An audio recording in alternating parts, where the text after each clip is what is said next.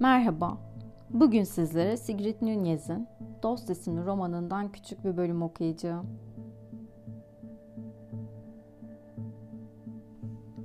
...1980'lerde Kaliforniya'da çok sayıda Kamboçyalı kadın aynı şikayetle doktoruna gitti. Göremiyorlardı. Kadınların hepsi savaş mültecisiydi. Ana vatanlarından kaçmadan önce 1975'ten 1979'a kadar iktidarda olan Kızıl Kımerlerin ün saldığı zulümlere tanık olmuşlardı. Kadınların birçoğuna tecavüz ya da işkence edilmiş veya başka türlü şiddet uygulanmıştı. Çoğu aile üyelerinin gözlerinin önünde öldürüldüğünü görmüştü. Askerler gelip de kocasını ve üç çocuğunu götürdükten sonra bir daha onları hiç görmeyen bir kadın dört yıl boyunca her gün ağladıktan sonra görme yeteneğini kaybettiğini söylüyordu. Görünüşe bakılırsa ağlaya ağlaya kör olan bir tek o değildi. Diğerleri de bulanık veya kısmi görmeden mustaripti. Gölgeler ve ağrılar gözlerine sıkıntı veriyordu. Kadınları toplamda 150 kadardı.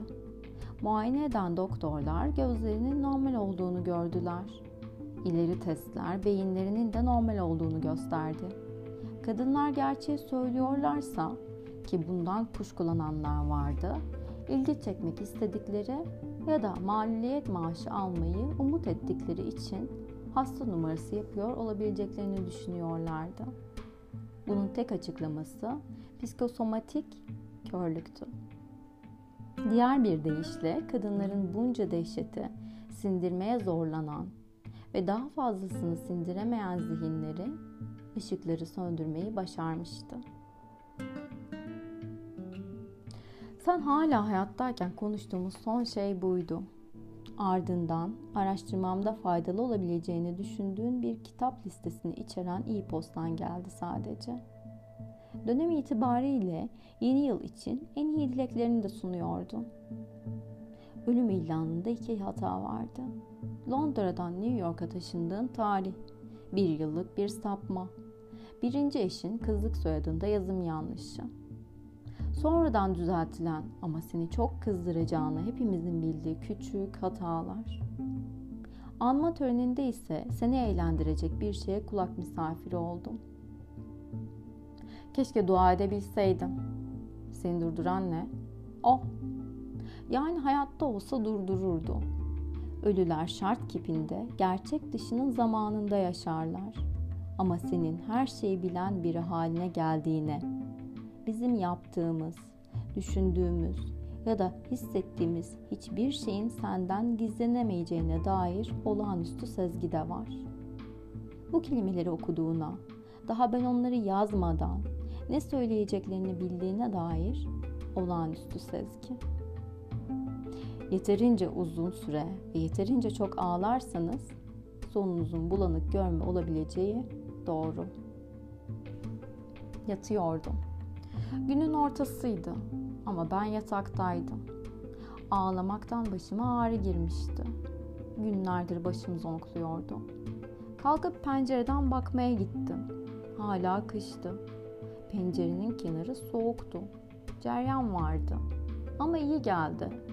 Alnımı buz gibi cama dayamanın iyi gelmesi gibi. Gözlerimi kırpıştırıp durdum. Ama görüşüm netleşmedi. Ağlaya ağlaya kör olan kadınları düşündüm. Artan bir korkuyla gözlerimi tekrar tekrar kırpıştırdım. Derken seni gördüm. Üzerinde kahverengi vintage bomber ceketin vardı. Hani çok dar olan ve bu yüzden sana daha da yakışan.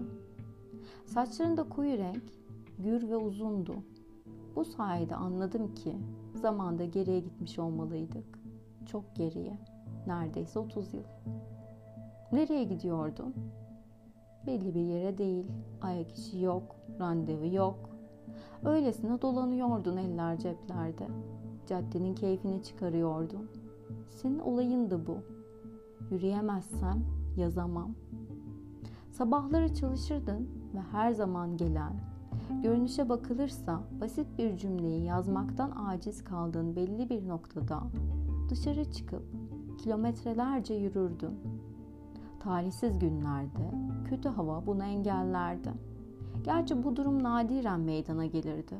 Çünkü sen soğuğa ya da yağmura aldırmazdın.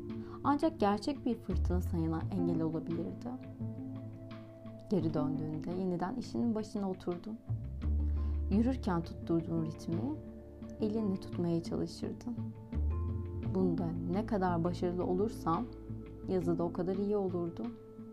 Çünkü bütün mesele ritim derdi. İyi cümleler bir vuruşla başlar.